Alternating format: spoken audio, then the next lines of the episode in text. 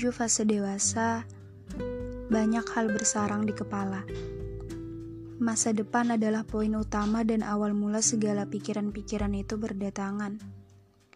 Kadang ngerasa kayak gak mau gede dan mau jadi kecil lagi. Pikiran sesederhana berebut mainan, tidur siang, dan makan permen adalah hal-hal yang dirindukan. Tuhan, bisa nggak sih aku kembali jadi anak-anak lagi?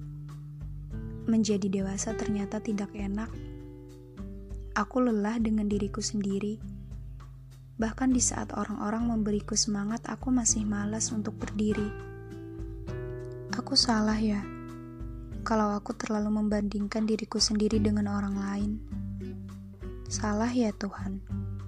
Lalu bagaimana agar aku tidak begitu lagi? Kenapa mereka bisa? Kenapa aku enggak? Saat itu, mungkin itulah sebagian dari isi kepalaku. Selalu bertanya kapan giliranku untuk bisa mencapai apa yang aku inginkan.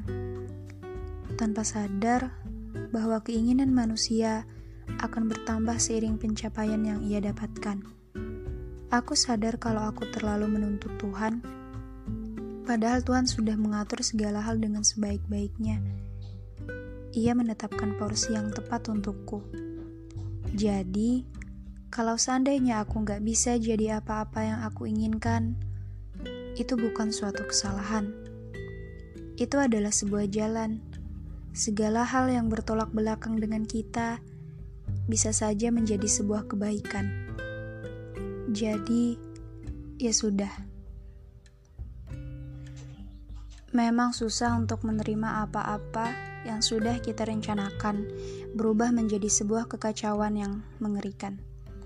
Yang kalau dibayangin, sayang banget kalau pada akhirnya mimpi-mimpi yang kita bangun malah hangus oleh kenyataan. Aku tahu, pasti banyak capek dan lelah yang dirasakan. Dan detik ini, kita harus sama-sama mengakui bahwa kita lelah. Bukan itu bukan sesuatu atau sebuah isyarat untuk menyerah. Aku hanya ingin kalian paham bahwa segala sesuatu yang menyedihkan juga harus dirasakan. Jadi, gak apa-apa. Gak apa-apa kalau kita gak jadi apa-apa. Tuhan adalah sebaik-baiknya pengatur. Ia sudah tahu apa yang terbaik untuk kita. Waktu itu, aku juga sempat hampir menyerah karena aku belum bisa menerima keadaan Segala sesuatu berjalan di luar rencanaku. Rasanya sangat tidak adil ketika teman-teman seusiaku dengan mudah mendapatkan apa yang mereka inginkan. Sedangkan aku harus menjalani pilihan yang bukan menjadi tujuanku bahkan tidak ada sama sekali di dalam daftar hidupku. Bertahun-tahun aku menjalani hal tersebut dengan embel-embel terpaksa. Rasanya berat, selalu berat. Di tahun-tahun terakhir, di tahun-tahun selanjutnya, perasaanku semakin memburuk. Harapan terakhirku kembali menunjukkan tanda-tanda kegagalan.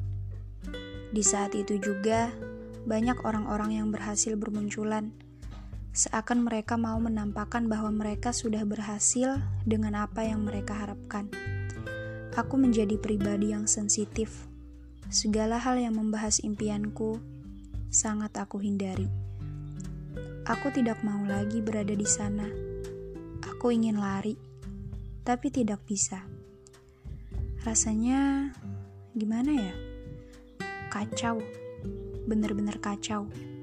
Aku tidak ingin bertemu orang-orang. Aku membenci dunia dan seisinya. Aku marah, marah pada diriku sendiri. Aku melewatkan banyak hal-hal yang bisa aku perbaiki hanya karena kekecewaan. Banyak hal yang seharusnya bisa aku lakukan kalau saja aku tidak terpuruk dengan keadaan. Tapi, tidak apa-apa. Aku menikmati hari-hari penuh kesedihan itu. Aku menghargainya. Aku menikmati kesedihan yang aku rasakan karena ia pantas ada dan perlu dirasa. Sekarang, aku sudah bisa berdamai. Berdamai dengan semesta, berdamai dengan jalan hidupku ke depannya, dan yang terpenting, berdamai dengan diri sendiri juga hal-hal yang mungkin gak bisa aku miliki.